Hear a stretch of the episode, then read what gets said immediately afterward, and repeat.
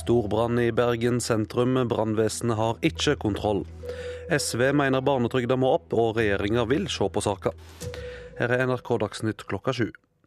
Det brøt ut storbrann i trehusa i Bergen sentrum ved halv femtida i dag. Brannen oppsto like ved Fisketorget. Flere er evakuerte, og nødetatene har sendt alt de har av folk til staden.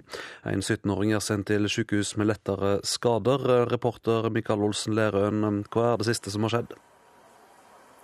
Det siste som har skjedd er at Den kraftige røyken som siver opp fra hustakene, er gått fra grå til hvit. Noe som betyr at, at brannvesenet har kommet inn i bygningene og startet eh, med slukking innenfra. I tillegg så er det altså en brann som fremdeles sprer seg i trehusbebyggelsen, som du sa, i de tette smauene nedenfor uh, Fløibanen.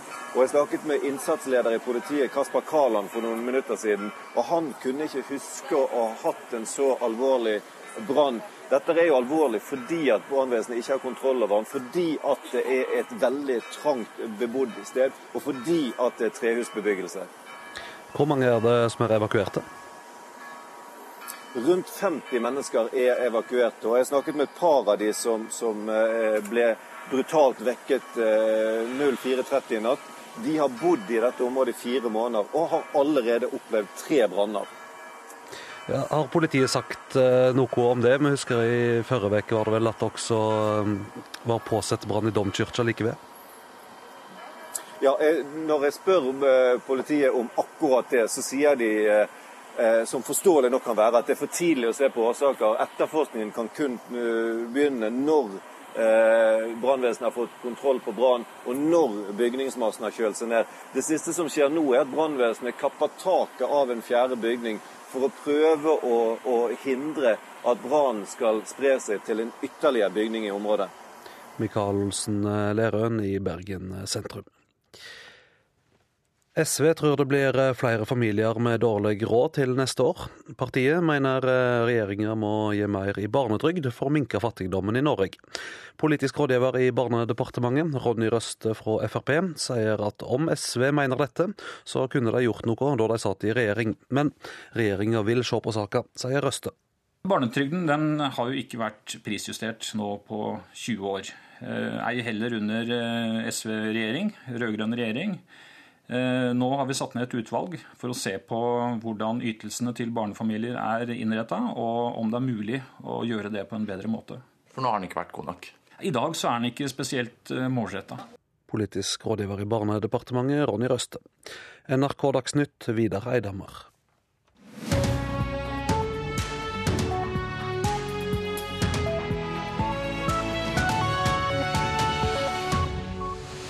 Nyhetsmorgen fortsetter i P2 og Alltid nyheter, bl.a. med disse sakene. 2015 kan bli et nytt år med kraftig nedgang i tallet på trafikkdrepte. Veidirektoratet er spente på om den flotte trenden holder seg. SV mener vi kommer til å få enda flere familier med dårlig råd her til lands neste år. God morgen og velkommen til Nyhetsmorgen, der vi også skal direkte til Calais i Frankrike, der både Storbritannia og Frankrike øker sikkerheten rundt Eurotunnelen. Og vi skal selvfølgelig oppdatere oss på storbrannen i Bergen som raser i trehusbebyggelsen i byen. Programleder i dag det er Tor Albert Frøsland. Året vi er inne i kan bli et nytt år med enda færre drepte i trafikken. Siden 2002 er antallet omkomne i trafikken mer enn halvert. Bedre veier og sikrere biler er to viktige forklaringer. Vi er spente på resten av året, det sier avdelingsdirektør Guro Ranes i Veidirektoratet.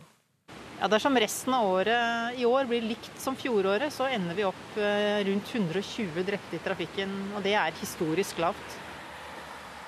Siden 2002 er tallet på trafikkdrepte mer enn halvert i Norge. Forsker Rune Elvik har i løpet av 35 år ved Transportøkonomisk institutt prøvd å beregne hvor mange som kom til å miste livet i trafikken. Han har tatt feil hver gang, for det er blitt enda færre enn han trodde. Vi liker jo ikke å ta feil, naturligvis, men når det er på denne måten og det går bedre, så er jo det gledelig. Flere møtefrie veier, rekkverk, rumlefelt og midtdelere har hjulpet. Men det har òg moderne biler gjort, sier Elvik dagens biler har jo masse ting som de ikke hadde før. De har kollisjonsputer, de har antiskrensesystem. Noen modeller har begynt å få varsling hvis du kjører over fartsgrensen. Beltestrammere, noen har eh, bedre beskyttelse mot nakkeskader osv. E18 gjennom Vestfold viser effekten av nye, møtefrie veier. Der det er bygd firefelts motorvei gjennom nesten hele fylket, er antallet drepte redusert med 90 Sånn var det ikke for 20 år siden, sier Vidar Mathisen. Nesten hver gang alarmklokka ringte på, på brannstasjonen, så visste vi hvor vi skulle hen. Og det var stort sett E18, som var eh, da mot Bogen, mot Sandene. Som var, eh, den strekningen der var veldig, veldig utsatt. Brannmannen fra Holmestrand er en av dem som røkka ut og klepte folk ut av sammenklemte biler. Smal vei, og Ulykkene kom dessverre på løpende bånd, og mange tragiske utfall der. Noen ganger så var det så fatalt at det ikke var noen levende, faktisk. Nedgangen i tallet på omkomne blir enda mer imponerende hvis man tar hensyn til økninga i trafikken siden 1970, da 560 mennesker mista livet. Dersom alt annet hadde vært likt, bare med mer trafikk enn sammenligna med 1970, så skulle vi hatt rundt 2000 drepte eh, i året. Eh, og det er jo et helt uhyrlig tall og veldig vanskelig å forestille seg. Fremdeles hender det at brannvesenet i Vestfold må røkke ut på trafikkulykker på E18, sier Vidar Mathisen. Heldigvis når vi kommer fram i dag, så er det stort sett materielle skader. Og det gleder oss. Og I fjor var det 147 personer som døde i trafikkulykker. I år kan det altså bli enda færre. Og På våre nettsider nrk.no kan du se flere detaljer om den gledelige nedgangen i tallet på dødsulykker i trafikken. Reportere var Kjartan Røslett og Ola Mjåland. Nils Sødal, du er kommunikasjonsrådgiver i NAF. Velkommen. Takk. Hva mener dere i NAF er den viktigste årsaken til at færre dør i trafikken? Nei, Over tid, de siste 20 årene ca., så er det den største årsaken økt sikkerhet i bilene. Det er sånn at En eh, bil i dag er 90% sikrere enn det det var for 25 år siden. Og Hvordan eh, har bilene da blitt bedre og sikrere? Nei, Det er jo som du var inne på i reportasjen her fra TUI, at det har kommet utrolig mye sikkerhetsutstyr inn i bilene. Både sikkerhetsutstyr som beskytter deg hvis du skulle krasje. Det er f.eks. deformasjonssoner, sånn at eh, selv i en ganske kraftig kollisjon så kan kupeen være helt intakt. Og det er airbager rundt omkring overalt, holdt jeg på å si. Og det er Antiskrens, det er uh, filskiftevarsler, nødbrems osv. Så, videre. så det er også, også, utstyr som faktisk forhindrer kollisjoner. Til tross for alt dette du nevner, så står det vel og faller til eh, sjuende og sist på den som sitter bak rattet. Noen sjåfører utmerker seg. Hvem er det? Nei, altså det, det, har også vært en gledelig nedgang faktisk i den gruppa som ofte blir eh, dratt frem som eh, verstingen. Dvs. Si eh, unge sjåfører mellom 18 og 24 år. De har hatt en veldig god utvikling de siste årene. Hva skyldes det? Nei, Det kan være både holdningsoppnærming, men trafikkopplæringen har jo blitt bedre og bedre for hvert eneste år som går. Men den gruppa som kanskje utmerker seg litt negativt, det er middelaldrende folk som kanskje som er i min alder, rett og slett. Og gjerne kanskje også mitt kjønn, faktisk. Er det, er det, bygger det på hva skal jeg si for noe unoter eller gamle uvaner? Eller Nei, det er ikke godt å si helt hva det er. Det kan hende at man uh, har fått en litt sprek bil. Eller, altså, det, er, det, er, helt, det, blir synsing å gå inn på det. Men de har i hvert fall hatt en negativ utvikling. Og også eldre sjåfører har, er litt høyt representert. Andre som utmerker seg på positiv måte, det er kvinner som er sjeldnere involvert i kollisjoner enn menn. Mm. Er det sånn at kvinnene er bedre sjåfører? Ja, altså Vi vet eh, på generell grunnlag at kvinner kjører mer defensivt, men det skal også sies at menn kjører mange flere kilometer på veiene hvert år enn det kvinner gjør. Så hvis man hadde kompensert for antall kjørte kilometer, så jevner det seg mye mer ut. Men vi vet at kvinner er mer defensive, så kanskje de, om de ikke er bedre, så er de tryggere i hvert fall. Eh, gledelig statistikk, det vi sånn sett kan presentere i dag, altså at, eh, at dødstallene går ned. Men mm. Det er kanskje å ønske at det skal gå enda mer ned, og hva mener dere kan gjøres for å få dødsstatistikken ytterligere ned i årene fremover? Nei, vi har jo en nullvisjon i Norge som vi jobber for å nå. og Den vil eh, si null drepte og hardt skadde i trafikken. og det, eh, To viktige grep i alle fall, det er å få enda flere sikre biler på veiene. Vi har en gammel bilpark, og da må man bruke avgiftssystemet. Nå kommer det fra nyttår nye avgifter, eh, hvor vi kjenner oss veldig igjen i det vi har foreslått Bl.a. på å redusere det som heter vektavgiften på kjøp av nye biler. For sikkerhetsutstyr det veier. Og da er det viktig at ikke biler med høy sikkerhet blir straffa. Og så må man i bånn ta og øke vrakpanten så du får vekk det i verste. Og da vil det på sikt bli en sikrere bilpark. Og så må vi bli mye flinkere på å bygge midtdelere, rydde sideterreng for knauser og trær og alt det som er. Eh, også på de litt mindre veiene, ikke bare motorveiene. Sånn at vi får økt sikkerhet på veiene våre. Takk skal du ha, Nils Sødal, kommunikasjonsrådgiver i NAF. Da skal vi tilbake til eh, brannen i Bergen, der det brenner i sentrum av byen og flere mennesker er evakuert. Reporter Marit Gjelland, du er kommet i studio, for du følger utviklingen. Hva skjer nå? Jo, det er kraftig røyk i området fra brannen. Og nå er det sånn at røyken går, har gått fra å være grå til å være hvit. Og det betyr at brannmennene nå begynner å bevege seg inn i husene for å slokke der. Samtidig så har brannen spredd seg. Det er et brenn nå i tre hus. Og brannvesenet har kappa av taket på et fjerde hus nå, eller prøver å gjøre det, for å hindre videre spredning.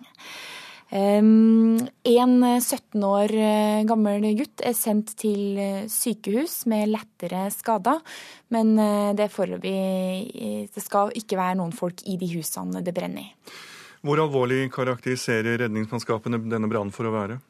Eh, altså Innsatsleder Kaspar eh, Kalne, han, Kaland han sier det at han aldri har opplevd en så alvorlig brann eh, som han kan huske. Um, og det er et område med veldig tett trehusbebyggelse, og det gjør at det er fare for, fare for spredning. 40, mellom 40 og 50 personer er evakuert. Eh, og tidligere i dag så snakka jeg med en av dem. Han heter Sondre Båtstrand. Eh, jeg ble vekket av intens ringing på dørklokken. Og så banking, og eh, så kom brannvesenet inn og ba meg om å forlate og evakuere. Da gjorde jeg det. Jeg gikk ut og så masse røyk på gaten. Eh, litt nede, nedenfor der jeg bor. Men ja, det er andre gang det brenner på veldig kort tid i dette strøket. Og det er jo tett trehusbebyggelse. Ja, Hva tenker du om det? Nei, jeg, Vi som bor her er jo alle redde for brann. Det er jo et mareritt. Eh, men heldigvis har vi et fantastisk brannvesen her i byen. Og vi i Nyhetsmorgen følger selvfølgelig utviklingen i denne storbrannen i Bergen. Men nå om at vi kommer til å få flere familier med dårlig råd neste sommer. Det spår SV, som mener regjeringen gjør vondt verre for barnefamilier som sliter med å få endene til å møtes. Mange har ikke råd til dyre sydenferier, så derfor arrangerer Røde Kors hver sommer gratis ferie for familier med trang økonomi. Og så nå så det, hører du om unger som har vært i Italia og Spania og det ene. Mine barn har aldri vært i utlandet. Det har de ikke. Men vi har funnet på andre ting. Og det er det jeg syns er viktig. Jeg syns det er viktig det at familien er samla i ferien, og at du koser deg. Mor Hege Anita er med mannen Svein og deres to sønner Dennis og Marco på Røde Kors sitt gratis ferietilbud Ferie for alle på Tjøme i Vestfold. I dag skyter de pil og bue. Ja. Hva syns du, Dennis? Er det fint å være her? Ja. ja. Det er jo kjempefin plass å være på, da. Det er kjempegøy. Fordi at Ungene de møter jo hverandre, og de har det veldig trivelig. Du ser jo at de, er igjen, de blir en sånn gjeng. Det beste er å skyte pil og bue. Sier sønnen Marco. Til tross for at Røde Kors har doblet sin kapasitet, har aldri så mange familier fått avslått søknaden om gratis sommerferie. I går fortalte NRK om at private aktører tilbyr gratis ferier til fattige familier. Nå tror SV at det neste sommer vil bli enda flere barnefamilier med lav inntekt. Ja, det tror jeg. Det her er jeg villig til å spå ganske sikkert at vi får eh, flere fattige familier i Norge framover. Og det er pga. en økonomisk politikk som skaper større forskjeller og mer fattigdom. Sier stortingspolitiker Snorre Valen i SV, som tror det er en ekstra påkjenning å ha dårlig råd i sommerferien. For da skal man ha det artig, ha fri, gjøre flotte ting. Og når man kommer tilbake til skolen, så forteller man hverandre om hva man har gjort i sommer. Så jeg tror sommeren er en tid der mange skammer seg mer. Tall fra Nav og OECD viser at avstanden mellom fattige og rike stiger. Dette gapet blir større neste år, tror Valen i SV. Den dårlige nyheten er at det kommer nok til å skje i løpet av det neste året. Men den gode nyheten er at det er veldig lett å gjøre noe med. Det klart enkleste virkemidlet vi kan bruke for å bekjempe barnefattigdom, det er å øke barnetrygda. Nivået på barnetrygden har stått på stedet hvil i 20 år, og ikke fulgt prisveksten. Dette innebærer at den i realiteten har blitt stadig mindre verdt. Politisk rådgiver i Barne-, likestillings- og inkluderingsdepartementet, Ronny Røste, mener SV kaster stein i glasshus. Barnetrygden den har jo ikke vært prisjustert nå på 20 år. Eh, ei heller under eh, SV-regjering, rød-grønn regjering. Eh, nå har vi satt ned et utvalg for å se på hvordan ytelsene til barnefamilier er innretta, og om det er mulig å gjøre det på en bedre måte. For nå har den ikke vært god nok? I dag så er den ikke spesielt eh, målretta. Tilbake på Tjøme er familien på fire glad det finnes et ferietilbud også de kan være med på. I går var det kano og grilling, og de bada litt og var ute på båttur. Og i dag så er det heksesprang og pil og bue. Så å komme på en sånn tur hvor de kan gjøre sånne ting, så har de noe mer å fortelle om. Det er veldig ålreit. Reporter her, det var Knut Arne Oseid. Og det blir mer om eh, familier med dårlig råd i her i Nyhetsmorgen etter klokken 8.30. Klokken den er akkurat 16 minutter over sju. Uh, hovedsaken i Nyhetsmorgen i dag det er storbrannen i Bergen, der én person er lettere skadet. Flere mennesker er evakuert. Brannen er i trehusbebyggelsen i sentrum, og den er ennå ikke under kontroll. Den har spredd seg til tre hus, og et fjerde står i fare for å bli antent. Det kan bli et nytt år med kraftig nedgang i tallet på trafikkdrepte. NAF mener vi er blitt bedre sjåfører, og bilene er blitt bedre. Det sa Nils Sødal fra NAF her i Nyhetsmorgen. Og som vi nettopp hørte, vi vil få enda flere familier med dårlig råd neste sommer. Det spår SVs Snorre Valen. Og Russland vil ikke ha domstol som skal straffeforfølge dem som skjøt ned et malaysisk passasjerfly over Ukraina i fjor. Og den første vrakdelen fra det savnede Malaysia Airlines-flyet kan være funnet på øy utenfor Afrika. Ja, For mye tyder nå på at vi har fått det første konkrete sporet etter passasjerflyet fra Malaysia Airlines som forsvant natt til 8. mars i fjor. Vrakdelen som ble funnet ved den franske øyen La Réunion i går, skal være identifisert og den tilhører høyst sannsynlig et fly av samme type som det som forsvant. Kollega Halvard Sandberg, du er kommet i studio. Hvor sikre kan vi være på at det er funnet en del fra det forsvunne flyet? Boeing-eksperter som har sett på video og bilder av vrakdelen, mener at det stammer fra en 777-maskin. Og det er samme type som det som forsvant Eh, natt til 8. mars i fjor. Så vet vi at det er eh, styrtet fire slike maskiner, eller at de har møtt store ulykker hvor vrakdeler har løsnet. En San Francisco eh, en på Heathrow, en over Ukraina, som vi skal høre om, og det som forsvant i Det indiske hav. Og da har man ikke så mye å velge mellom. Derfor peker det på at dette her er den forsvunne maskinen, MH370, at det er funnet denne delen fra. Og dette er altså da funnet i Det indiske hav men flere tusen kilometer fra der det er antatt at det gikk i sjøen. Hvordan forklares det? Det forklares at det er det opplagte stedet hvor det ble havne. Det er havstrømmer i det området som går i sånn sirkelbevegelse fra det antatte treffpunktet i sjøen. Så vil det ta omtrent 500 dager før det havner ved øya La Réunion eh, nær kysten av eh, Afrika. Så det er en eh, ganske enkel forklaring. Ehm, Også, det går omtrent med en halv knop, denne strømmen her. Og de skjell og vekstene som er funnet på denne delen, det stemmer også med at det har vært i vannet omtrent så lenge.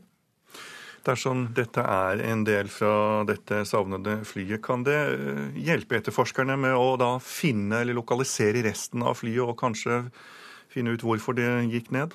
Det er jo det store spørsmålet nå, og der er det litt uenighet. Men konsensus blant de folkene som har sett på dette nå, er at det, det faktisk kan virke motsatt.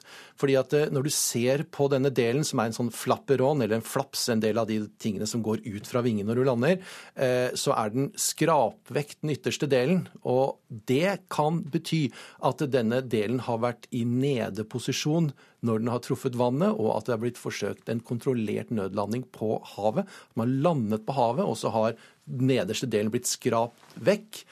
Og det betyr at den ikke har styrtet sånn som alle teoriene er, har gått rett ned, men at den har blitt flydd et stykke. Og da vet du ikke nøyaktig hvor det har havnet. Takk skal du ha, Halvard Sandberg. Og vi skal da videre til det andre Malaysia Airlines-flyet, dette som styrtet i Russ, over Ukraina. For Russland nekter å la FN opprette en domstol for å straffeforfølge den som skjøt ned dette flyet over Ukraina i fjor. Russland la ned veto mot et forslag om en slik domstol i Sikkerhetsrådet i går kveld. 298 mennesker ble drept da flyet fra Malaysia Airlines ble skutt ned. Vi føler oss slett ikke trygge på at etterforskningen av det som skjedde vil være upartisk, sier Russlands FN-ambassadør Vitalij Tsjurkin. Forslaget om å opprette en egen domstol for å straffeforfølge de skyldige etter flykatastrofen i Ukraina i fjor, ville ha blitt vedtatt dersom Russland ikke hadde lagt ned veto, slik landet har rett til å gjøre som fast medlem av Sikkerhetsrådet. 11 votes in favor, one vote Elleve medlemsland stemte for. Kina, Venezuela og Angola unnlot å stemme. Malaysia deeply regret the failure of the Security Council to maintain unity Malaysia synes det er dypt beklagelig at Sikkerhetsrådet ikke kunne bli enige her, sier landets transportminister Loi Tang Lai.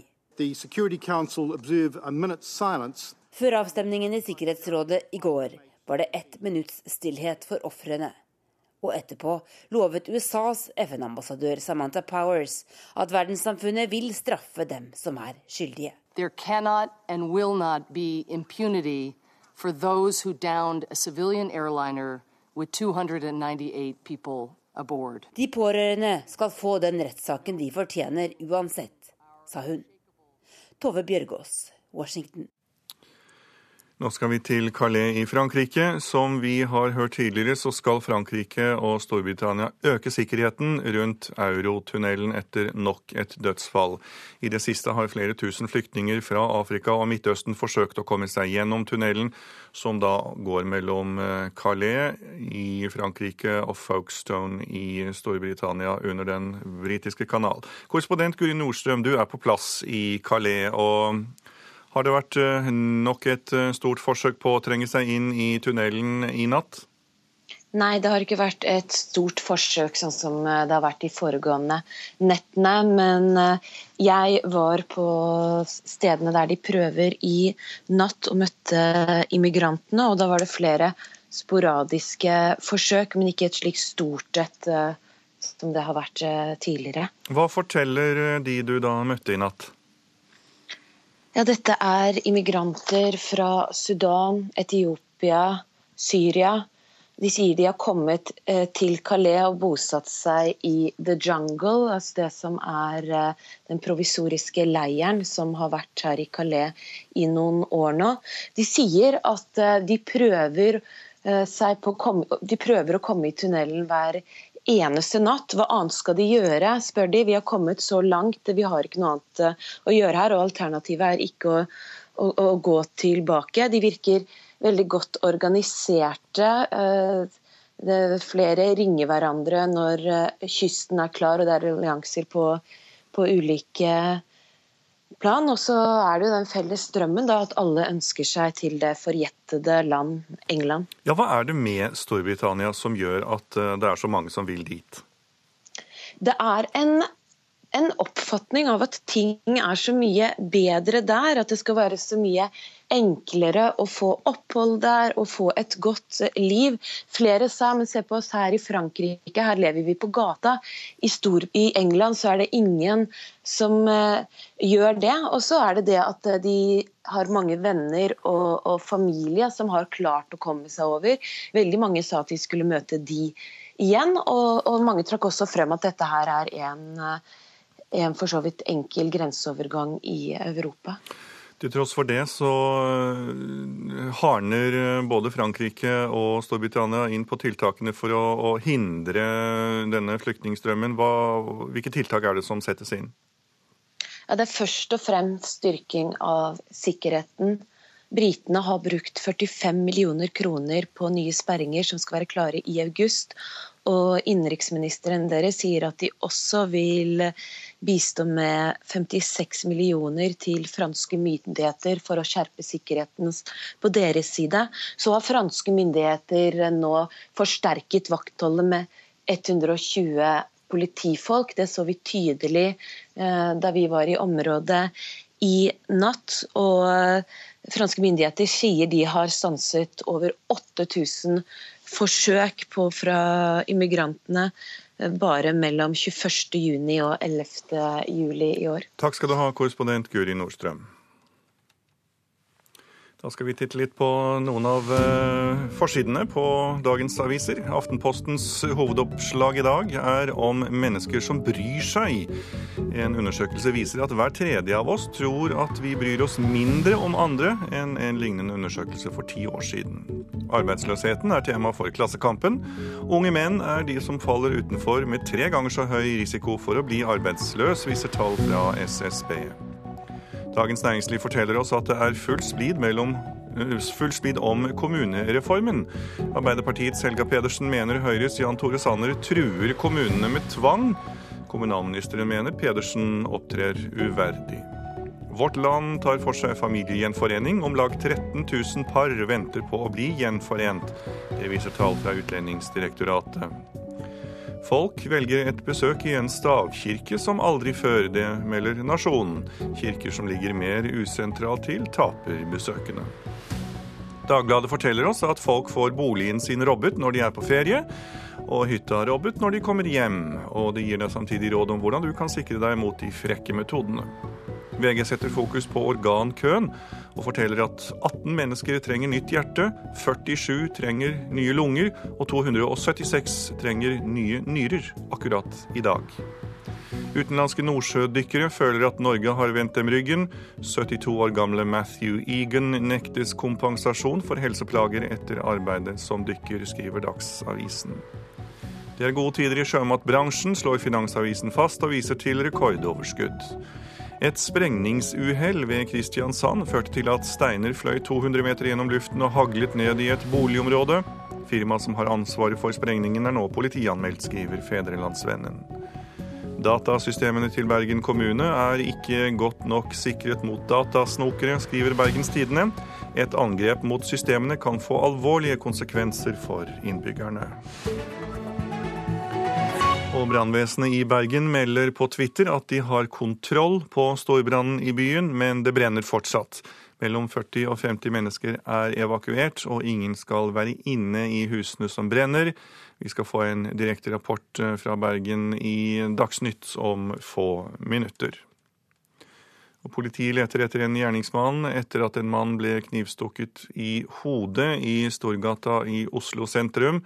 Mannen var ved bevissthet og er sendt til legevakten. Og I går kveld ble en mann knivstukket i samme gate. Han er fortsatt kritisk skadet. Sport nå. Langrennsløper Astrid Urnholt Jacobsen er bitt av løpebasillen. Såpass ivrig er hun at planen var å delta på 5000 meter friidretts-NM i Haugesund til helgen. Slik blir det imidlertid ikke. Nei, jeg er jo god til å løpe og ikke så god til å spille fotball. Og ganske god til å heie, så jeg fikk bidra med det jeg var god til. Og så var det de andre som tok det meste av fotballspillinga. Det var mer innsats enn teknikk for Jacobsen på gårsdagens kjendiskamp på Ekebergsletta. Og 28-åringen hadde planlagt å legge ned litt ekstra innsats til helga. Med Blinkfestival for langrenn og skiskyting i Sandnes og friidretts-NM i Haugesund ville Oslo-jenta delta på begge.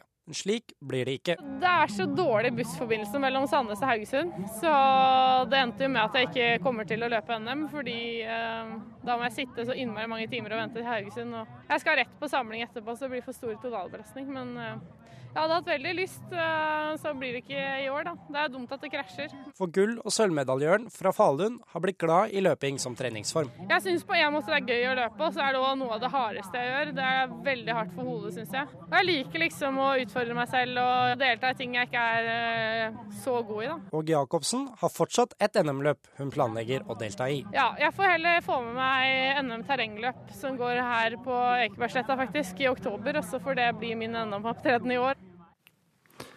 Reporter her, det var eh, Fredrik Stuve. Og etter Dagsnytt så skal du få møte en kvinne som har levd artistlivet, gitt ut låt med Iggy Pop og vunnet Spellemannprisen. Nå satser hun på politikken i Nesna i Nordland. Og i morgen blir det avgjort hvem som får OL-et Oslo ikke ville ha. Det får du altså etter Dagsnytt.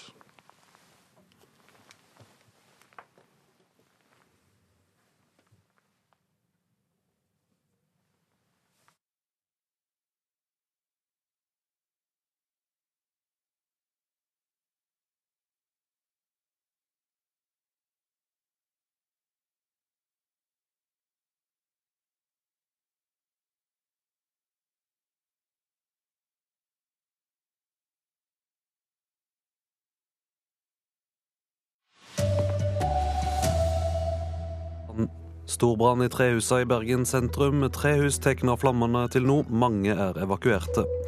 Vrakrester fra Malaysia Airlines-flyet som forsvant i fjor, kan være funnet. Ikke så gale at det ikke er godt for noe. Dårlig vær fører til færre skader på Norway Cup.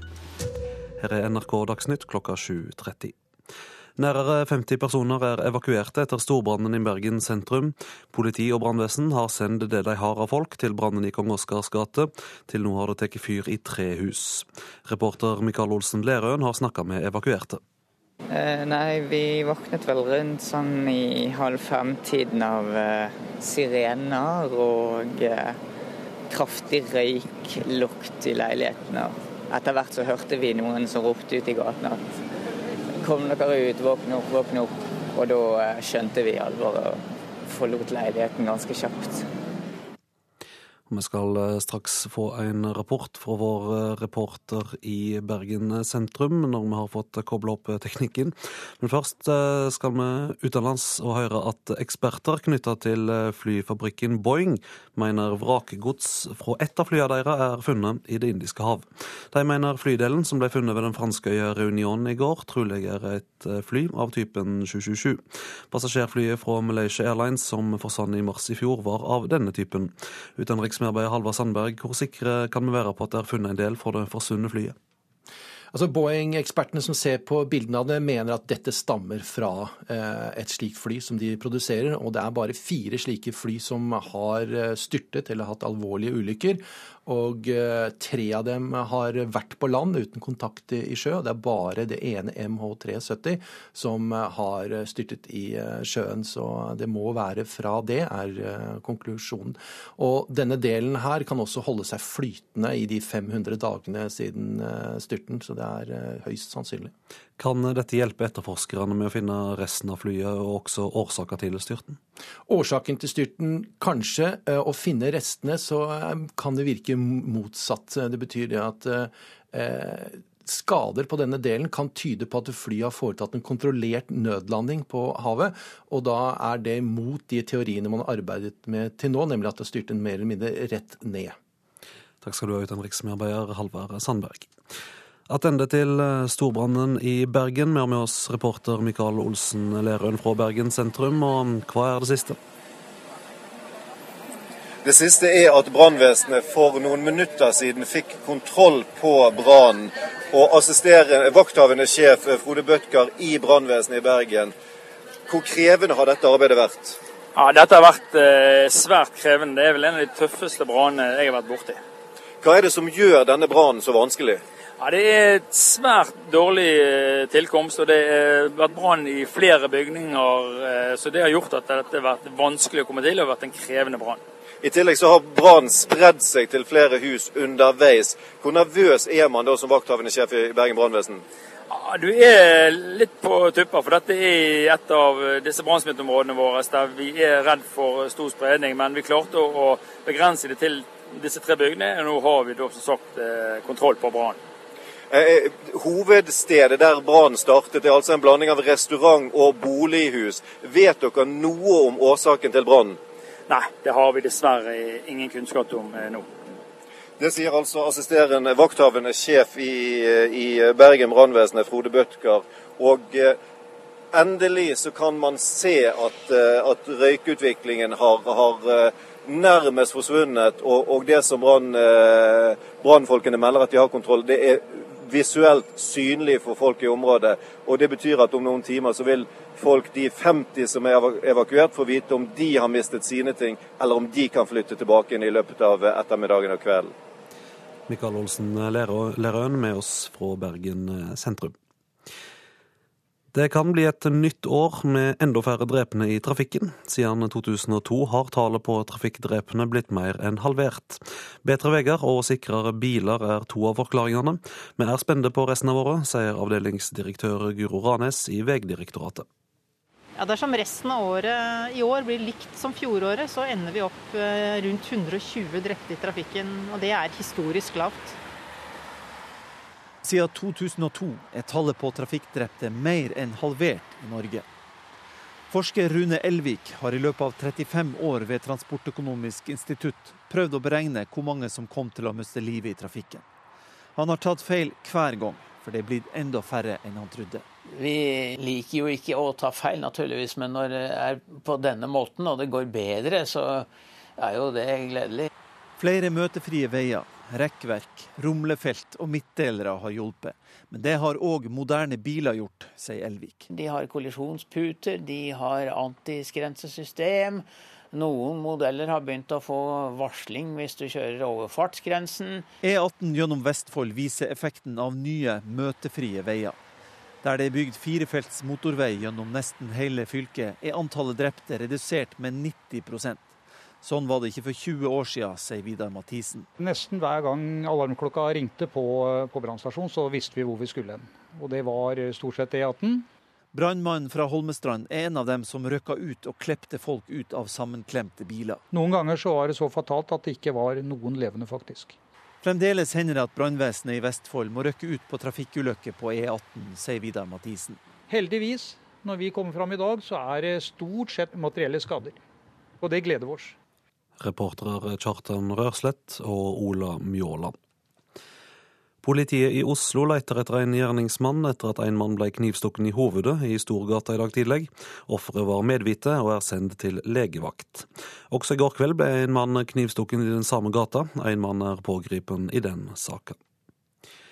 Det vil bli flere familier med dårlig råd til neste sommer. Det tror Sosialistisk Venstreparti, som mener regjeringa ikke gjør det lett for barnefamilier som sliter med lite penger. Ja, det tror jeg. Det, her er jeg villig til å spå ganske sikkert at vi får eh, flere fattige familier i Norge framover. Og det er pga. en økonomisk politikk som skaper større forskjeller og mer fattigdom. Sier stortingspolitiker Snorre Valen i SV, som tror det er en ekstra påkjenning å ha dårlig råd i sommerferien. For da skal man ha det artig, ha fri, gjøre flotte ting. Og når man kommer tilbake til skolen, så forteller man hverandre om hva man har gjort i sommer. Så eh, jeg tror sommeren er en tid der mange skammer seg mer. Tall fra Nav og OECD viser at avstanden mellom fattige og rike stiger. Dette gapet blir større neste år, tror Valen i SV. Den dårlige nyheten er at det kommer nok til å skje i løpet av det neste året. Men den gode nyheten er at det er veldig lett å gjøre noe med. Det klart enkleste virkemidlet vi kan bruke for å bekjempe barnefattigdom, det er å øke barnetrygda. Nivået på barnetrygden har stått på stedet hvil i 20 år, og ikke fulgt prisveksten. Dette innebærer at den i realiteten har blitt stadig mindre verdt. Politisk rådgiver i Barne-, likestillings- og inkluderingsdepartementet, Ronny Røste, mener SV kaster stein i glasshus. Barnetrygden den har jo ikke vært prisjustert nå på 20 år. Eh, ei heller under eh, SV-regjering, rød-grønn regjering. Eh, nå har vi satt ned et utvalg for å se på hvordan ytelsene til barnefamilier er innretta, og om det er mulig å gjøre det på en bedre måte. For nå har den ikke vært god nok? I dag så er den ikke spesielt eh, målretta. Reporter Knut Arne Oseid. Sviktende salg av gatemagasin over hele landet kan føre til at flere av dem blir lagd ned, det skriver Dagsavisen. På midten av 2000-tallet ble en rekke gatemagasin etablerte, som et lågterskeltilbud for rusmisbrukere og andre, som kan selge blader på gata. Gatemagasinet Klar, som blir gitt ut på Sørlandet, sliter mest medan Erlik Oslo og Asfalt i Rogaland klarer seg best. Gjørme og sleipe baner fører til færre skader på fotballturneringa Norway Cup i Oslo. Det sier Steinar Fjelde, som leier feltsykehuset på Ekebergsletta. Til nå har 500 spillere vært innom. Det er 300 færre enn på samme tid i fjor, men Fjelde er ikke overraska.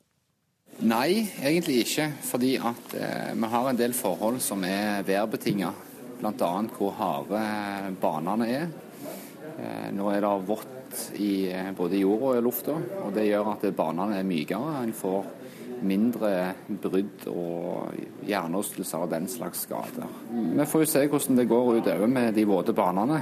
Eh, erfaringsmessig så blir det litt mer av, av skader som kan relateres til sklitaklinger og, og stemplinger når det er glatte, våte baner. Men foreløpig så ser det veldig bra ut. Hovedsaka i denne Dagsnytt-sendinga var brannen i trehusa i Bergen. Brannen er nå under kontroll, ifølge brannvesenet. Flere hus har fått skader i brannen. Nærmere 50 personer er blitt evakuerte. Årsaka til brannen er foreløpig ikke kjent. Ansvarlig for sendinga Elin Pettersen, teknisk ansvarlig Lars Tronsmoen, og her i studio Vidar Eidhammer.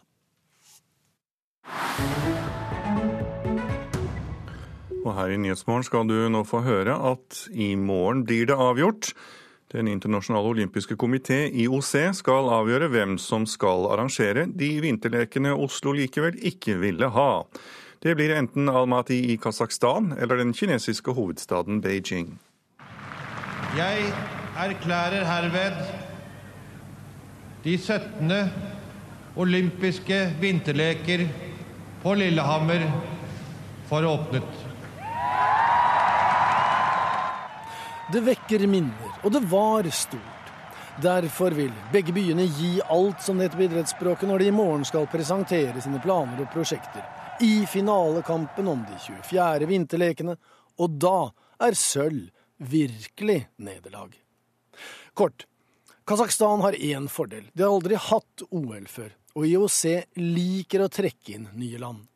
På den annen side, Beijing har vist at de kan, og vil i så fall bli den første byen som arrangerer både sommer- og vinter-OL. IOC liker søkerentusiasmen. Men tar man utgangspunkt i de to skrytevideoene, kan det virke som om det går ut på ett. For begge videoene fremhever det moderne og det vakre, kultur og folklore, Gjestfrihet og mellomfolkelig forståelse, og så vel Almaty som Beijing får vi vite er ideelle vintersportssteder der den olympiske ånd lever i naturen. Hør først på Kasakhstan, og så litt på Kina. A new day in Almaty. A new vision for the Winter Games. Olympic spirit fills the air. China a land that inspires awe. Winter, a time that touches our hearts. Kasakhstan har én fordel kompakte leker. Beijing må spre seg over ca. 200 km. Men der kommer det et høyhastighetstog og noen motorveier som gjør reisetiden så kort og behagelig at det nesten styrker søknaden, om man skal tro kineserne. Men Beijing ligger bare 40 meter over havet og er kjent for å være sur og kald om vinteren, men snøfattig. Almaty, derimot, begynner på 500 meter og ligger i fjellsiden oppover mot Medeo-banen, som ligger på 1700 meter. Og hør på dette kuttet. Real, sier de fra Kasakhstan. Fem ganger. Ekte snø, ekte vinter. Det er å anse som et spark til konkurrenten. Ingen kunstig snø, ingen snøkanoner i Almaty, nei. Et ekte vinter-OL, i motsetning til Almaty 2022. Real. real snow. Real winter ambience. Real winter games. Almaty 2022. Keeping it real. Dette er to land der myndighetene vil ha OL. Da har prislappen eller lokale protester lite å si. Noe Al Jazeeras reporter Robin Walker erfarte da han var på besøk i Almaty. Well, no danger of that happening here in Kazakhstan. Rich in oil, with a so-called managed democracy, and that means any criticism can also be carefully managed. Noen mener at de høye herrer har valget mellom pest og kolera, mellom mye korrupsjon i frisk luft eller litt mindre korrupsjon i elendig luft. Kynikere vil si at IOC har seg selv å takke. Men uansett, OL blir det i 2022. Men ikke i denne byen, og heller ikke på denne kanalen. Det sa reporter Joar Hoel Larsen. Du hører på Nyhetsmorgen i NRK P2 og Alltid nyheter. Klokken eh, den er straks 7.45. Her er hovedsakene. Brannmannskapene i Bergen har kontroll over storbrannen i byen, men det brenner fortsatt. Mellom 40 og 50 mennesker er evakuert. 2015 kan bli et nytt år med kraftig nedgang i tallet på trafikkdrepte. Veidirektoratet er spente på om den gode trenden holder seg. Og Senterpartiet vil vurdere mer bruk av tvang i helsevesenet. Vi vil få enda flere familier med dårlig råd neste sommer. Det spår SV, som mener regjeringen gjør vondt verre for barnefamilier som sliter med å få endene til å møtes. Mange har ikke råd til dyre sydenferier, så derfor arrangerer Røde Kors hver sommer gratis ferie for familier med trang økonomi. Og så nå så det, hører du om unger som har vært i Italia og Spania og det ene. Mine barn har aldri vært i utlandet. Det har de ikke. Men vi har funnet på andre ting, og det er det jeg syns er viktig. For jeg syns det er viktig det at familien er samla i ferien, og at du koser deg. Mor Hege Anita er med mannen Svein og deres to sønner Dennis og Marco på Røde Kors sitt gratis ferietilbud Ferie for alle på Tjøme i Vestfold. I dag skyter de pil og bue. Ja.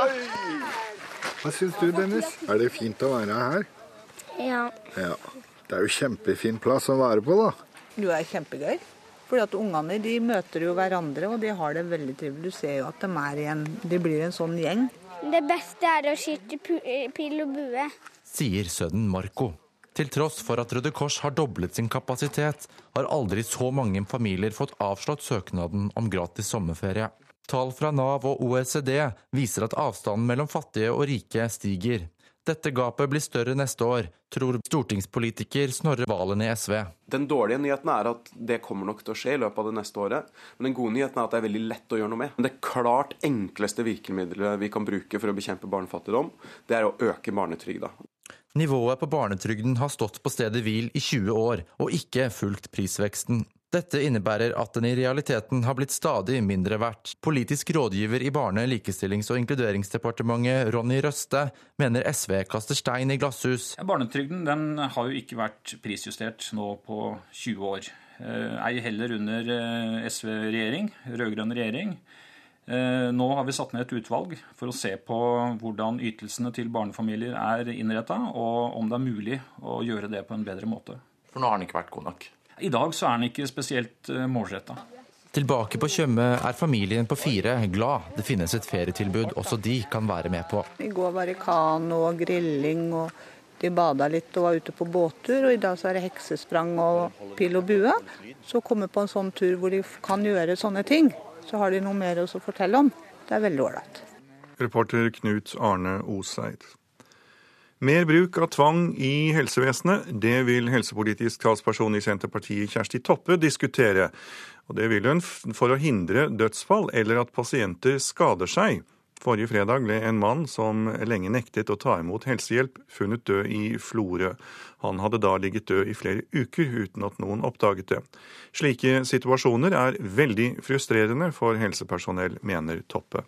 Det er jo noe med når en utdanner seg eh, som helsepersonell, så har jo en, en, en vilje, og en er lært opp sant, til å hjelpe folk. Eh, til å hindre sykdom og, eh, og, og, og, hjelpe. Og da er det jo selvsagt veldig frustrerende å stå på utsida og se at folk går til grunne. For det er det som skjer i mange av disse tilfellene. Samfunnsmedisiner og fagsjef i Helse Førde, Hans Johan Breidablikk, mener det er i ferd med å bli et samfunnsproblem at mange av de som bor alene, vegrer seg for å ta imot nødsyndhjelp. Noe av problemet òg eh, ligger jo i det at stadig flere bor alene, og de er kanskje flytta til områder der de ikke har noe nettverk. Og så lenge jeg har jobba i, i hvert fall i primærhelsetjenesten, så, så var ikke det helt uvanlig at eh, folk ikke ville ha kontakt, og gjerne heller ikke slapp deg inn.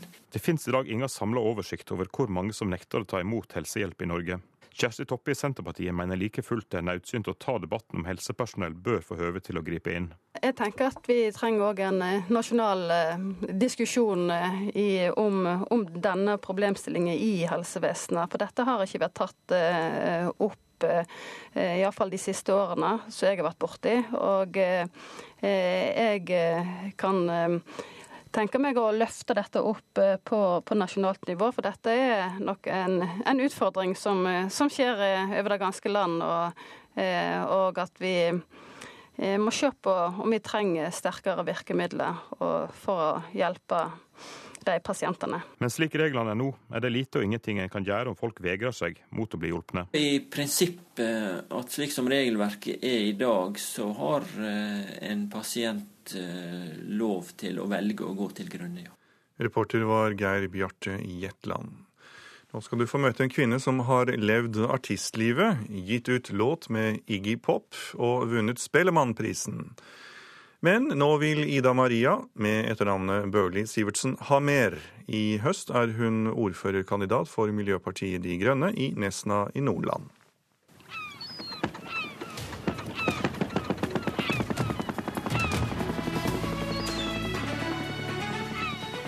Politisk sommerintervju i Nyhetsmorgen. Det som jeg ønsker å gjøre noe med her, er jo å sørge for at Nesna har et miljøpoliti, og at vi har i kommunestyret et parti som på en måte kun har som eh, formål å sørge for at eh, det blir tatt miljøhensyn i alle eh, vedtak som blir gjort i kommunestyret. Jeg heter Ida Maria Børli Sivertsen, og jeg er 30 år. Eh, jeg eh, stiller for Miljøpartiet De Grønne som eh, førstekandidat i Nesna kommune. Som ordførerkandidat? Ja, som ordførerkandidat. Er det andre ting du har lyst til å kjempe for politisk? Altså, jeg er opptatt av jordvern. Jeg er opptatt av å ta vare på den matjorda som vi har. Jeg er opptatt av likeverdighet for alle. Jeg er opptatt av bosetting av flyktninger på, på forsvarlige måter og eh, integrering i samfunnet. Vi har, Nesna kommune har et fantastisk eh, velfungerende asylmottak og norskopplæring. Og eh, vi har suksesshistorie etter suksesshistorie. Hva betyr mest for eh, hvor godt partiet ditt gjør det? Er det du eller partilederen? tror du? Vet du hva, jeg tror verken jeg eller eh, noen andre mennesker har Eh, den innvirkninga på, på, hvorfor miljø Jo, det er litt morsomt, det er rart å si det sånn. Jeg mener at eh, jeg tror bare folk rett og slett har våknet, begynner å våkne opp og, og, ser det at vi er nødt til å ta liksom Vi er nødt til å ta og løfte blikket litt. Og at de tingene Vi kan ikke sitte og diskutere de her på en måte bagatellarta sakene når vi er i ferd med å sage av den greina som vi sitter på. Så jeg tror ikke at det har noe med personlighet eller noen ting å gjøre.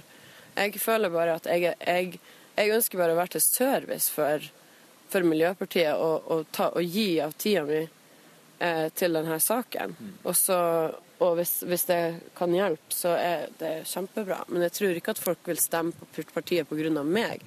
Jeg tror det er rett og slett fordi det er tida er inne for å, å se på litt nye se litt nye løsninger på ting. Det er jo mange saker du må ta stilling til i et kommunestyre der De Grønne er representert, og kanskje du som førstekandidat i tillegg. Eh, hvordan ser du på en eh, kommunesammenslåing i den kommende kommunestyreperioden? Jeg har ikke noe spesielt tro på at eh, sammen, altså sammenslåing av kommuner skal, skal, være noe gagnende for miljøet. Jeg ser bare på de utfordringene vi har på Nesna. Det er en liten kommune, men allerede det kan være lett å miste oversikt eh, over hva det er som foregår i alle kriker og kroker. ikke sant? Sånn at Hvis at du sammenslår en sånn kommune som Nesna og Rana f.eks., som er egentlig ganske forskjellige kommuner, både tradisjonelt og industrielt og, og på alle mulige måter, så får du en da får du på en måte den situasjonen ganger 100. Da. Da, da har du ikke noen som kanskje Iraner som virkelig vet ja, hvor er det matjorda på Nesna befinner seg? Hvor er det virkelig god jord her? Vi er avhengig av den jorda vi har.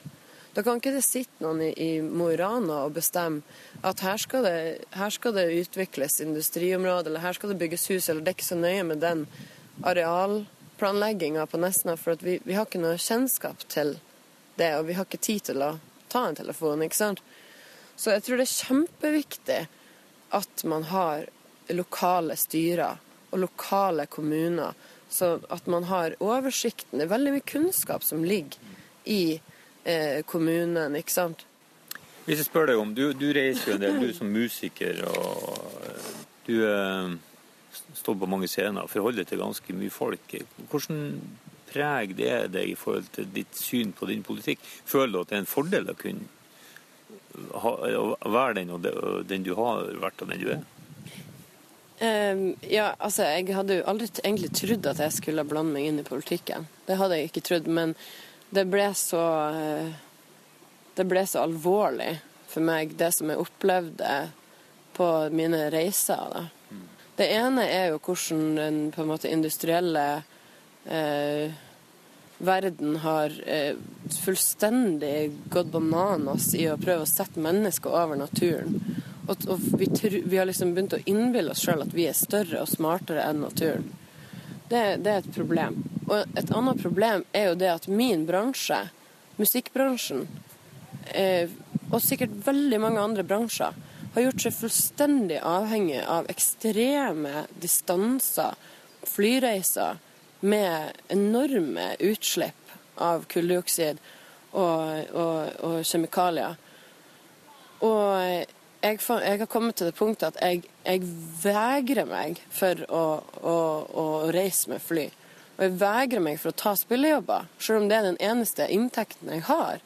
Jeg er helt sånn himmelfallen at vi har kommet dit at det skal være eh, på en måte eh, obligatorisk at man som moderne mennesker i dag skal reise x antall timer med fly i året for å kunne opprettholde en ja, lavtlønna, vanlig stilling som kulturarbeider. Men Blir ikke det et paradoks for deg? Det da? Det er et stort paradoks. Så dette, det er jo det som er at jeg er i full ferd med å, å prøve å finne ut av hvordan kan jeg omstrukturere livet mitt og yrket mitt på en sånn måte at jeg kan nå ut til folk med, med kunsten min, men samtidig ikke eh, gjøre et sånt innhugg i, i naturen sin bankkonto. Da en ting som jeg alltid har drømt om, er jo å gjennomføre en seilbåtturné. Men da må man jo være litt sånn fri på når man ankommer. Det blir en helt grønn turné da, med seilbåt? Ja, det, hadde, det, har vært min lange drøm, så en gang, vakker dag skal jeg få gjennomført det. Det var Lars Petter Kalkenberg som hadde møtt Ida Maria Børli Sivertsen. Så skal du få høre hvordan været blir i dag. Fjellet i Sør-Norge skyet. Litt regn lengst nord, eller stort sett oppholdsvær. Fra i ettermiddag regnbyger i Langfjella. Østlandet varierende skydekke og spredte regnbyger. Fra i ettermiddag økende bygeaktivitet sør for Mjøsa. Kan hende med torden.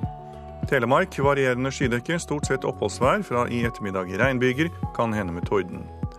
Agder. Fra i ettermiddag nordvestlig stiv kuling på kysten vest for Lindesnes. Stort sett oppholdsvær. Gløtt av sol. Fra i ettermiddag regnbyger, kan hende med torden.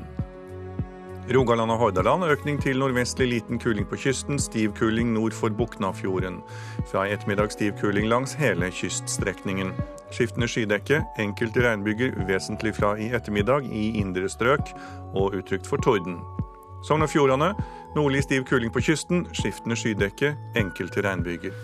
Møre og Romsdal skiftende skydekke, enkelte regnbyger. Fra i ettermiddag kan hende litt sol i ytre strøk.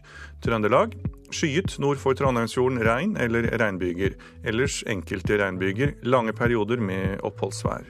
Nordland av og til nordvestlig liten kuling utsatte steder, regn og yr. Stedvis tåke eller tåkeskyer. I nord i kveld lettere vær. Troms Først på dagen stedvis tåke eller tåkeskyer på kysten, ellers skiftende skydekke, perioder med regn, i kveld oppholdsvær og perioder med sol. Finnmark periodevis østlig stiv kuling i utsatte kyst- og fjordstrøk, skyet og litt regn på vidda, ellers enkelte regnbyger og perioder med sol. Mulighet for tåke eller tåkeskyer på kysten og i øst. Spitsbergen får periodevis østlig stiv kuling nær Sørkopp og ut fra Hinlopenstredet. Litt regn i sør og øst, fra i ettermiddag oppholdsvær. Så er det morgentemperaturene målt klokken sju. Svalbard lufthavn og Kirkenes begge 13 grader. Vardø 11. Alta og Tromsø-Langnes 14. Bodø 11. Brønnøysund 10. Trondheim-Værnes 12. Molde 11. Bergen-Flesland 12. Stavanger og Kristiansand-Kjevik 13. Gardermoen 12. Lillehammer 13, Røros 8 og Blindern i Oslo hadde 13 grader da temperaturen ble målt klokken sju i dag tidlig.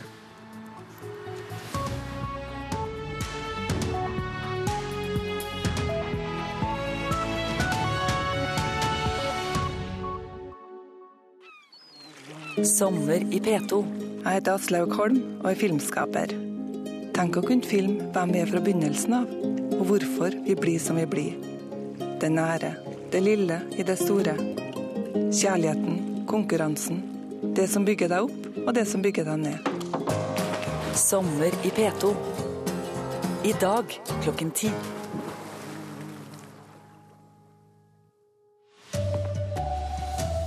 En av de verste brannene vi har vært borti, sier brannvesenet i Bergen. Brannen er nå under kontroll.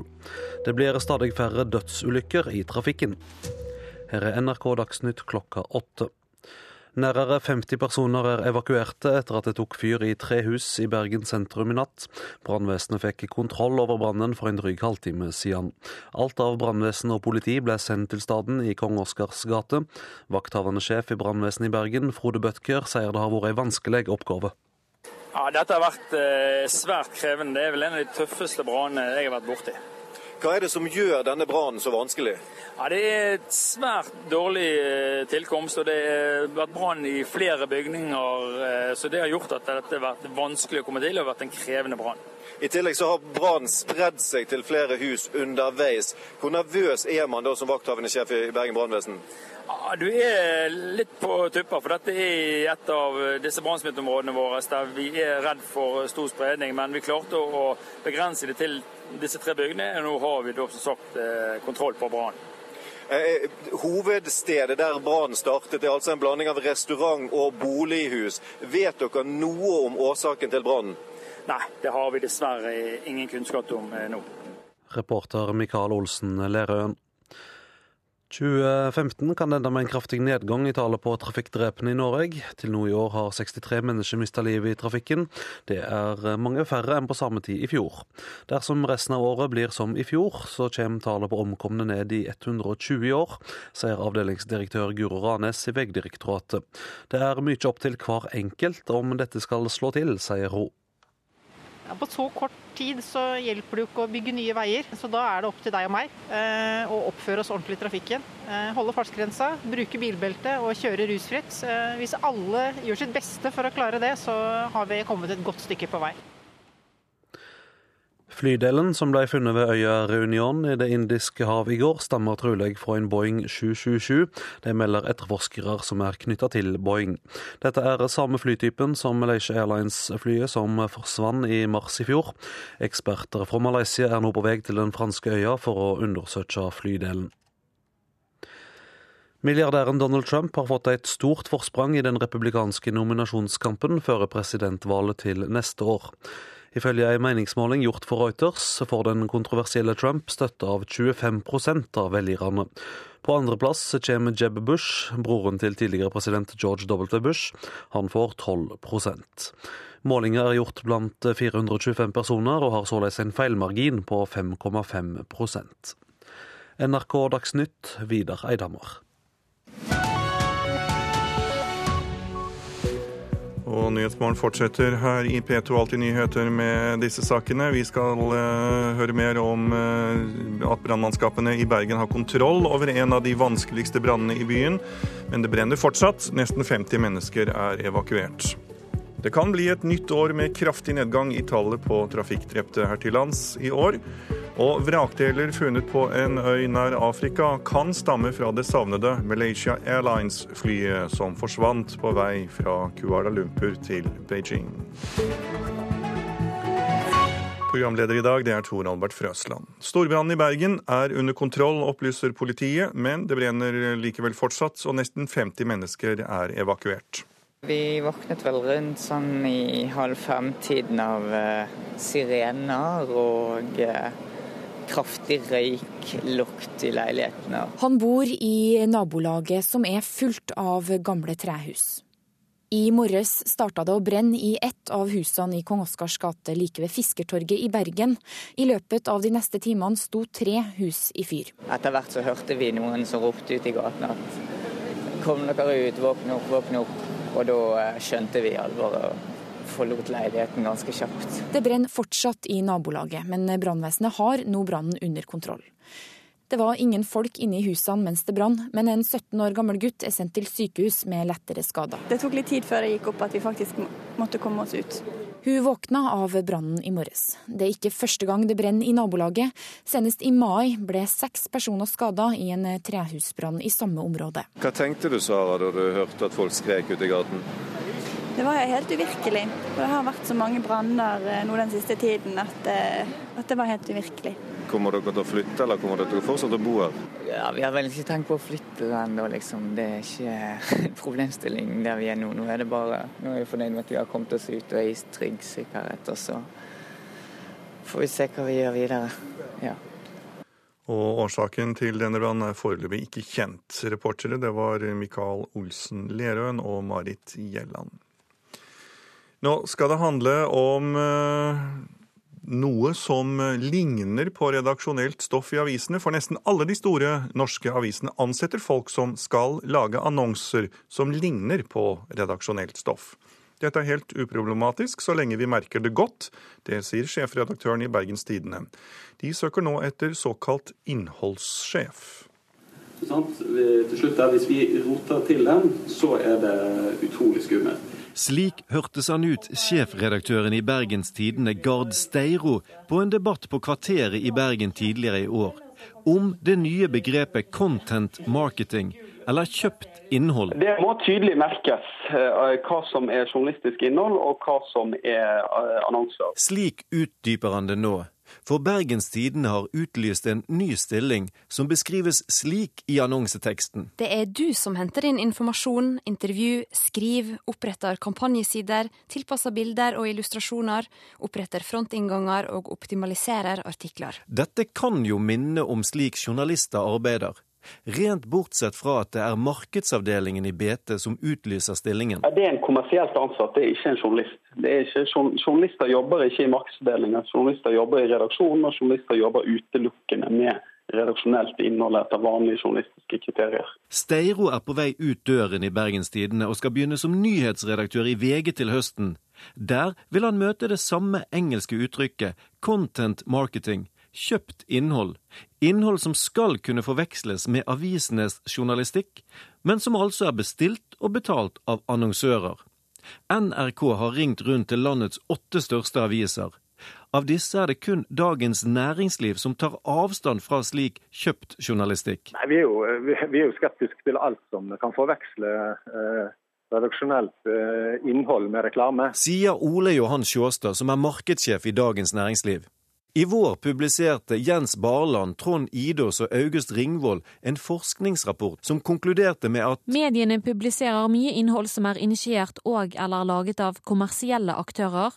En god del av dette innholdet lages også av journalister og redaktører. Bruken av denne type stoff er sterkt økende. Men hva er konsekvensene? Blir folk lurt og mister avisene troverdigheten sin?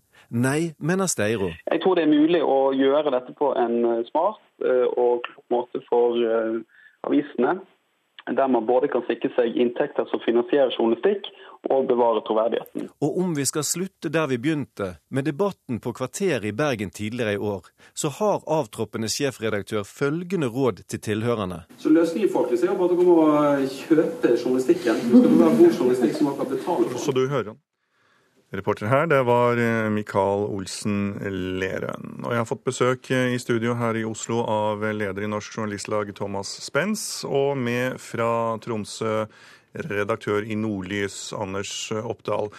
Og først Oppdal, Dere har fire ansatte som jobber med å produsere journalistikklignende annonsering, altså såkalt content marketing, som vi hørte om her. Du får forklare oss hvordan det er de jobber. Altså, Dette er en egen gruppe med medarbeidere som jobber helt atskilt fra den redaksjonelle virksomheten. De er underlagt markedsavdelinga. Vi har en tolederstruktur i, i Nordlys fortsatt. Um, og til forskjell for, for vanlige journalister som, som jobber på, på oppdrag for, i rammen av et samfunnsoppdrag og på, på vegne av leserne, så er det her da en gruppe som, som uh, jobber på vegne av, av, uh, av, kunder som velger å, å, betale. Og man bruker da um, en del av de samme virkemidlene som vi kjenner igjen fra journalistikken, når man da skal formulere et budskap på vegne av den kunden. Thomas Benz i Norsk Journalistlag. Dette høres jo vakkert og flott ut. Her er det atskilt, og det utfyller hverandre. Ja, Hvis de gjør det, så kan det hende at det er en grei sak. Content marketing er jo blitt et moteord. Eh, det er ikke helt presist definert, og ulike mediehus eh, holder på å bruke og finne nye løsninger for å skaffe inntekter. Men i bunn og grunn dreier det seg om reklame i nye klær, og jeg tror diskusjonen blir litt lettere å begripe både innad i bransjen og utenfor, hvis vi ser på dette som fortsatt som reklameannonser. I reportasjen i starten ble det snakket om kjøpt innhold. Det er for så vidt annonser har alltid vært, men kjøpt journalistikk, det er noe vi sier blankt nei til. Hvorfor velger dere å satse på det Spence kaller reklame i nye klær, Oppdal? Eh, først, eh, Spence har helt rett, det her er jo reklame. Så det, det, det er ikke så vanskelig å bli, eh, bli enig om det. Nei, altså, Hovedbildet her er jo det at vi har store, store utfordringer knyttet til inntektene. Nordlys som, som, de fleste andre mediebedrifter i Norge. Det Papirinntektene, annonseinntektene på papir går ned. Og så er det en annen dimensjon. Um, den digitale kontantstrømmen eller de digitale inntektene er ikke langt i nærheten av å kunne klare å kompensere for bortfallet av de inntekt, det inntektsfallet vi opplever på, på papiraviser. Og, og, og, det, heller, det også, ser også sånn ut at det kommer til å bli krevende i det tradisjonelle digitale annonsemarkedet fremover. Og Da er vi nødt til å, til å finne andre måter å få, få eh, finansiert journalistikken på. Altså skaffe inntekter til virksomheter som gjør at vi, vi står fritt og kan fortsette å levere kvalitetsjournalistikk. Spens. Mediene er i en alvorlig situasjon. Jeg har respekt for arbeidet for å finne nye inntekter. Men de to spørsmålene vi må alltid ha klart for oss her, er hva er det som nå skal gjøres, og hvem skal gjøre det. Og her har redaktører og journalister klare begrensninger både i lov og avtaleverk om hva journalister skal og kan gjøre, men også i presseetikken, som gjør det helt klart at for publikum så skal det være et åpenbart skille mellom betalt innhold og uavhengig journalistikk. Oppdal, ser du, ser du denne faren som Spence eh, påpeker, at det blir en slags eh, sammensausing her? Ja, altså i høyeste grad. Hvis det var sånn at vi hadde sausa sammen eh, på den måten der, så hadde det vært totalt uholdbart. Vi hadde ut, utvanna nordlys på på et øyeblikk. Det her er jo snakk om medarbeidere som, som, eh, som, ikke er ansatt som journalister, som ikke jobber som journalister, som, som jobber helt atskilt og som, rapporterer. Men hvordan kan, du, hvordan kan, du, si det, at de ikke jobber som journalister, når de, når de faktisk driver jeg får bruke begrepet da, en slags journalistikk?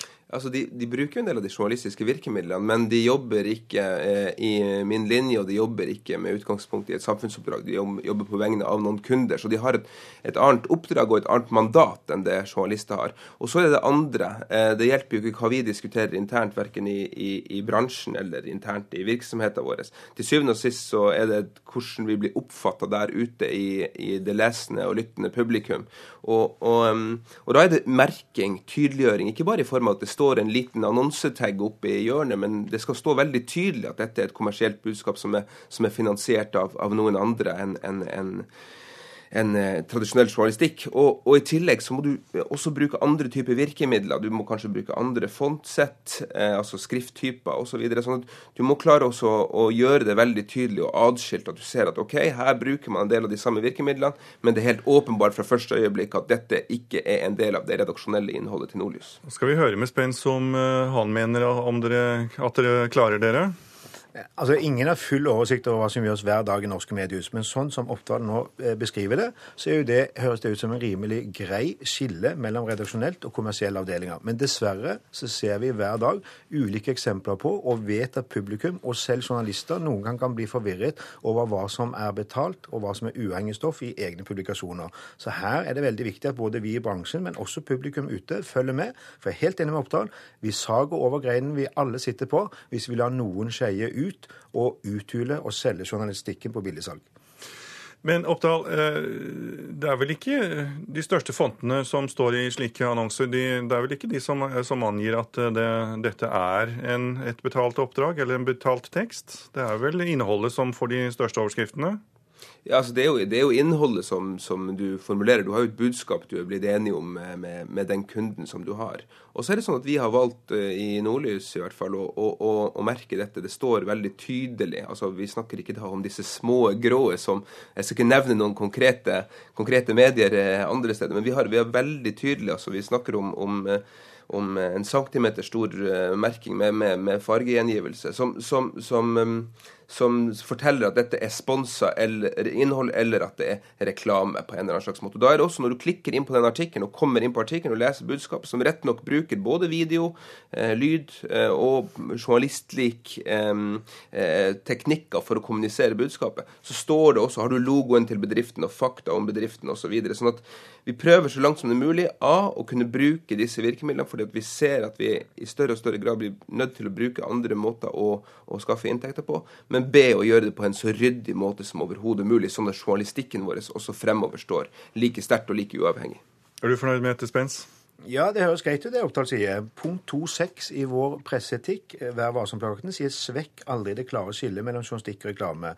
Det sier Oppdal at det er han opptatt av, og det tror jeg på. Det er bra. Men dessverre vet vi at ute i virkelighetens verden, hvor redaktører, direktører og journalister er ganske desperate mange steder, så er det lett å se over med ting og godta ting som man ikke ville godtatt for fem år siden.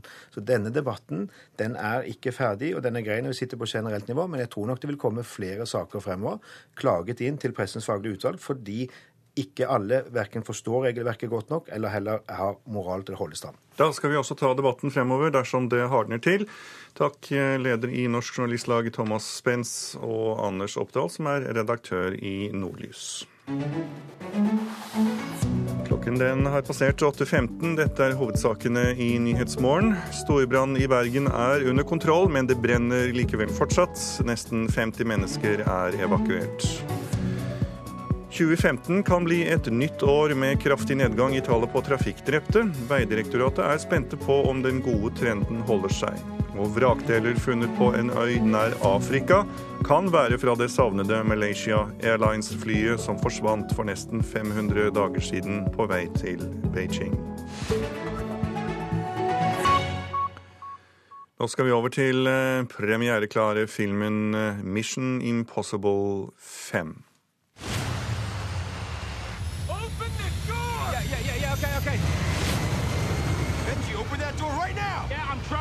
Come on.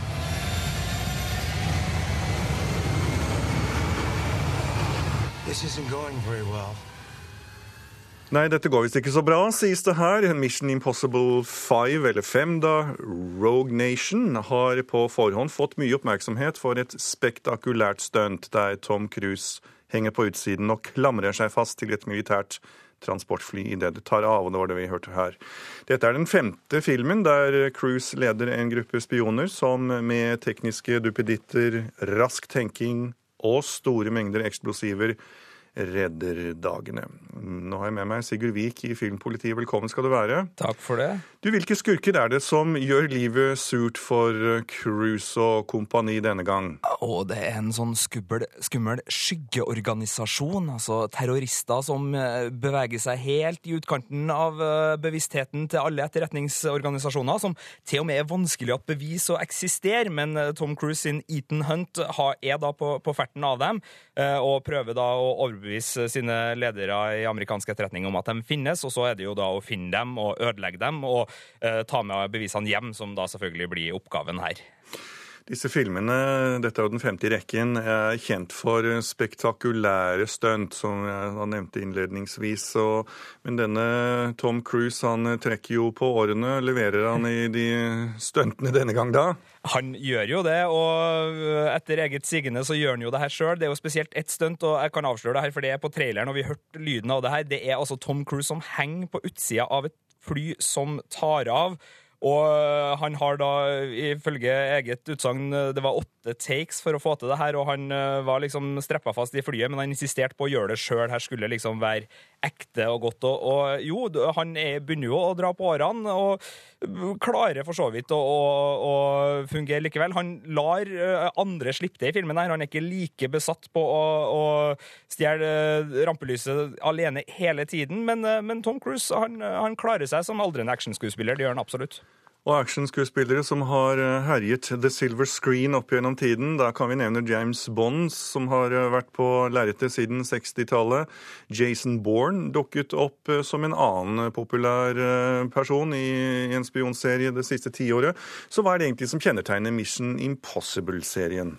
Den er litt av alt når det gjelder hesblesende storaction fra Hollywood. Den har liksom det der dundrende eksplosjonene og biljaktene som kan kjennetegne actionfilmer som Fast and Furious, som er sånn uh, den type filmer. Og så har den her spiondraget som man kjenner igjen fra Born og, og Bond. Og så har den en sånn lun humor og sjarme. Så den, den, prøver å være alt du trenger i en popkornvennlig storblockbuster på, på kino om sommeren, og, og lykkes, for den har et flott skuespillerensemble som, som, dekker disse, fra humorister som Simon Pegg til gamle actiontravere som Wing Rames og, og Jeremy Renner og Tom Cruise da, som The Star Power. Og så er det jo Uh, svenske Rebecca Ferguson, som er den store gleden denne gangen. Hun er vel så kul actionheltinne som det Tom Cruise uh, klarer å være, og er en uh, skuespiller som virkelig lyser opp kinomørket. Men Sigurd Vik, oppfølgerfilmer, det hevdes jo alltid at de ikke er så gode som originalen eller den første filmen. Og dette er altså da film nummer fem. Hvordan ja. står den seg mot ja, de fire tidligere?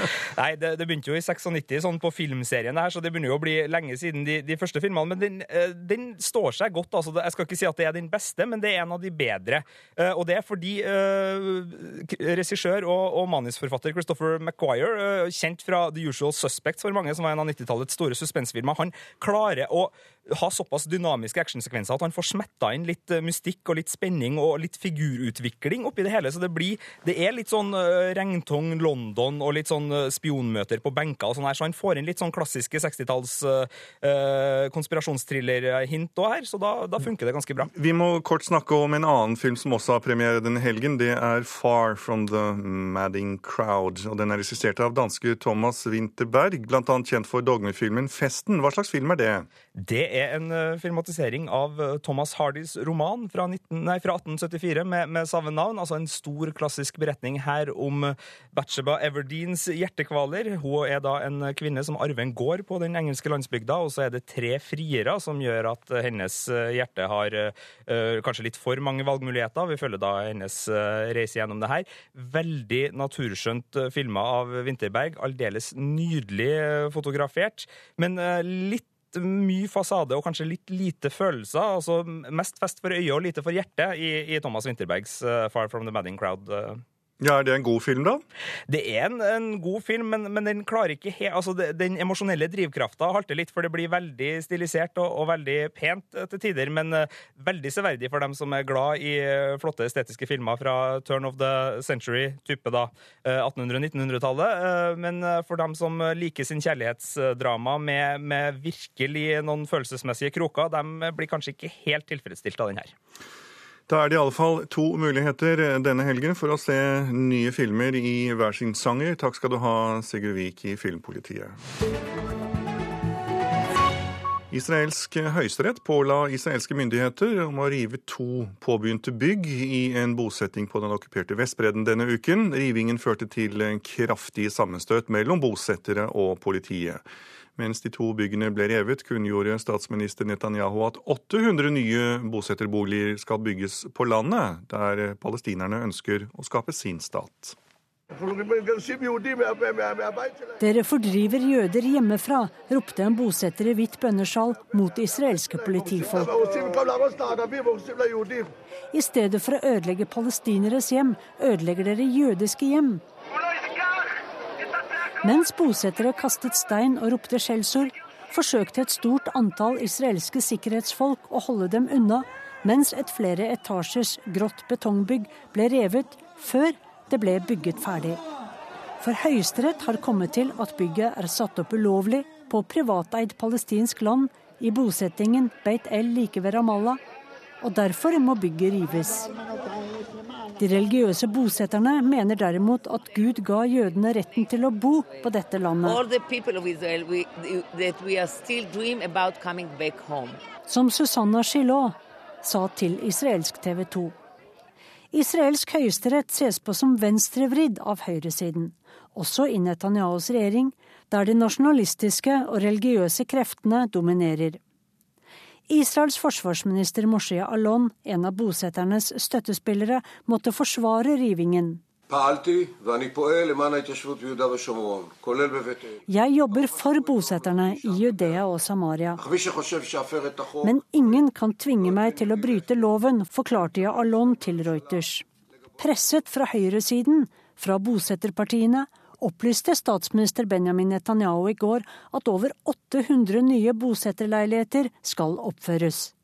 For de to byggene Høyesterett tvang regjeringen til å rive, skal altså 804 nye bygges, 300 leiligheter i Beit El på den okkuperte Vestbredden og 504 leiligheter i okkupert Øst-Jerusalem. Palestinerne reagerer kraftig på byggeplanene. Etter 20 år med mislykkede fredsforsøk har palestinerne tatt sin sak til internasjonale fora, som FN og krigsforbryterdomstolen ICC. Fortsatt utbygging tvinger oss til å gå til ICC for å gå til sak mot okkupasjonen og forbrytelsene mot det palestinske folket, sier Wassel Abu Yusef fra PLO. Og det sa reporter Sissel Wold. Minst 16 mennesker er omkommet i flere jordskred i Nepal i natt. Jordskredene skjedde som følge av kraftig regn. Mange hus er begravet, og politiet frykter at flere personer er begravet i jordmassene. I India er mannen som skal ha stått bak landets dødeligste terrorangrep, henrettet. Det melder flere indiske TV-kanaler. 257 mennesker ble drept da 13 ulike bomber gikk av med få timers mellomrom i 1993. Jakob Memon ble dømt til døden i 2007 for å ha finansiert angrepene. Selv nektet han straffskyld. Så skal vi titte litt på det som står på noen avisforsider i dag. Aftenpostens hovedoppslag er om mennesker som bryr seg. En undersøkelse viser at hver tredje av oss tror at vi bryr oss mindre om andre enn det en lignende undersøkelse for ti år siden viste. Arbeidsløsheten er tema for Klassekampen. Unge menn er de som faller utenfor, med tre ganger så høy risiko for å bli arbeidsløse. Det viser tall fra SSB. Dagens Næringsliv forteller oss at det er full splid om kommunereformen. Arbeiderpartiets Helga Pedersen mener Høyres Jan Tore Sanner truer kommunene med tvang. Kommunalministeren mener Pedersen opptrer uverdig.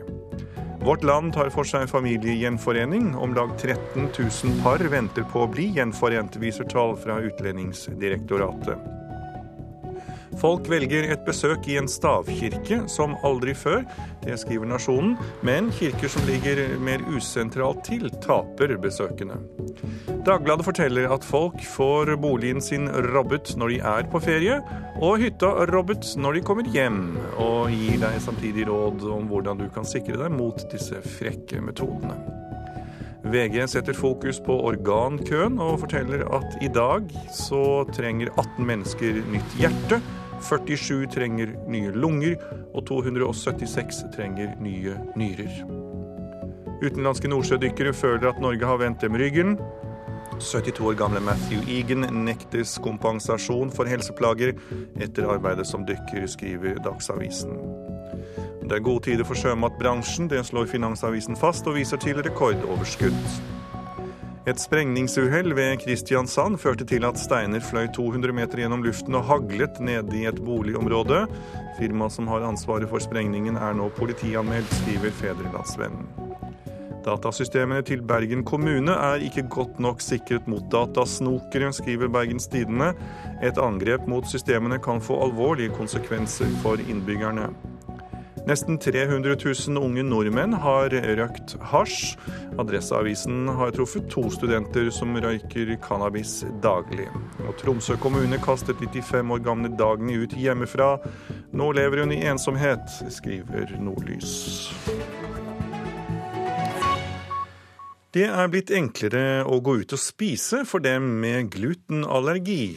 Norsk cøliakiforening opplever at de fleste restaurantene tilbyr glutenfrie retter. Restauranten Søstrene Fryd i Ålesund, der er alt på menyen spiselig for dem med allergi, forteller Turids mor. Det er mange som kommer og er nesten litt euforisk over at det faktisk de kan velge fra kakedisken og alt vi har på menyen, og ikke være redd for noe. De færreste serveringsplassene i landet har hele menyen uten gluten, slik som restauranten i Ålesund. Men det har blitt lettere for de med cøliaki, forteller generalsekretær i Norsk cøliakiforbund, Knut Petterson. Du ser det både i butikker, på mangfoldet av produkter, og på restauranter, at man eh, blir mer og mer eh, opptatt av å kunne ha alternativer. Belinda Svensli er baker hos Søstrene Fryd, og har sjøl cøliaki. Hun syns det er fint med en restaurant der alt er uten gluten. For meg så betyr det veldig mye. For jeg syns det er veldig kjedelig å, å gå ut og spise f.eks. med vennegjeng eller familie, og så kan de se på menyen og bestille akkurat hva de vil, mens jeg må liksom ta meg til takke med det eneste de har. da, F.eks. biff og ris uten saus, eller brød med salat og kjøttpålegg uten dressing. Det er liksom alltid sånn spesialtilpassa som egentlig ikke er en del av menyen i det hele tatt. da. Reporter Malin Kjelstadli Korsnes. Hør ekko. Presset om å være pen og populær, flink og sosial gir mange unge pusteproblemer. Vi har blitt flinke til å lære dem til å kjenne etter. Vi har ikke blitt like flinke til å hjelpe dem til å leve med det de da kjenner. Sier psykologen som advarer mot å sykeliggjøre en hel generasjon. En time ekko i hele sommer mellom klokka ni og ti i NRK P2.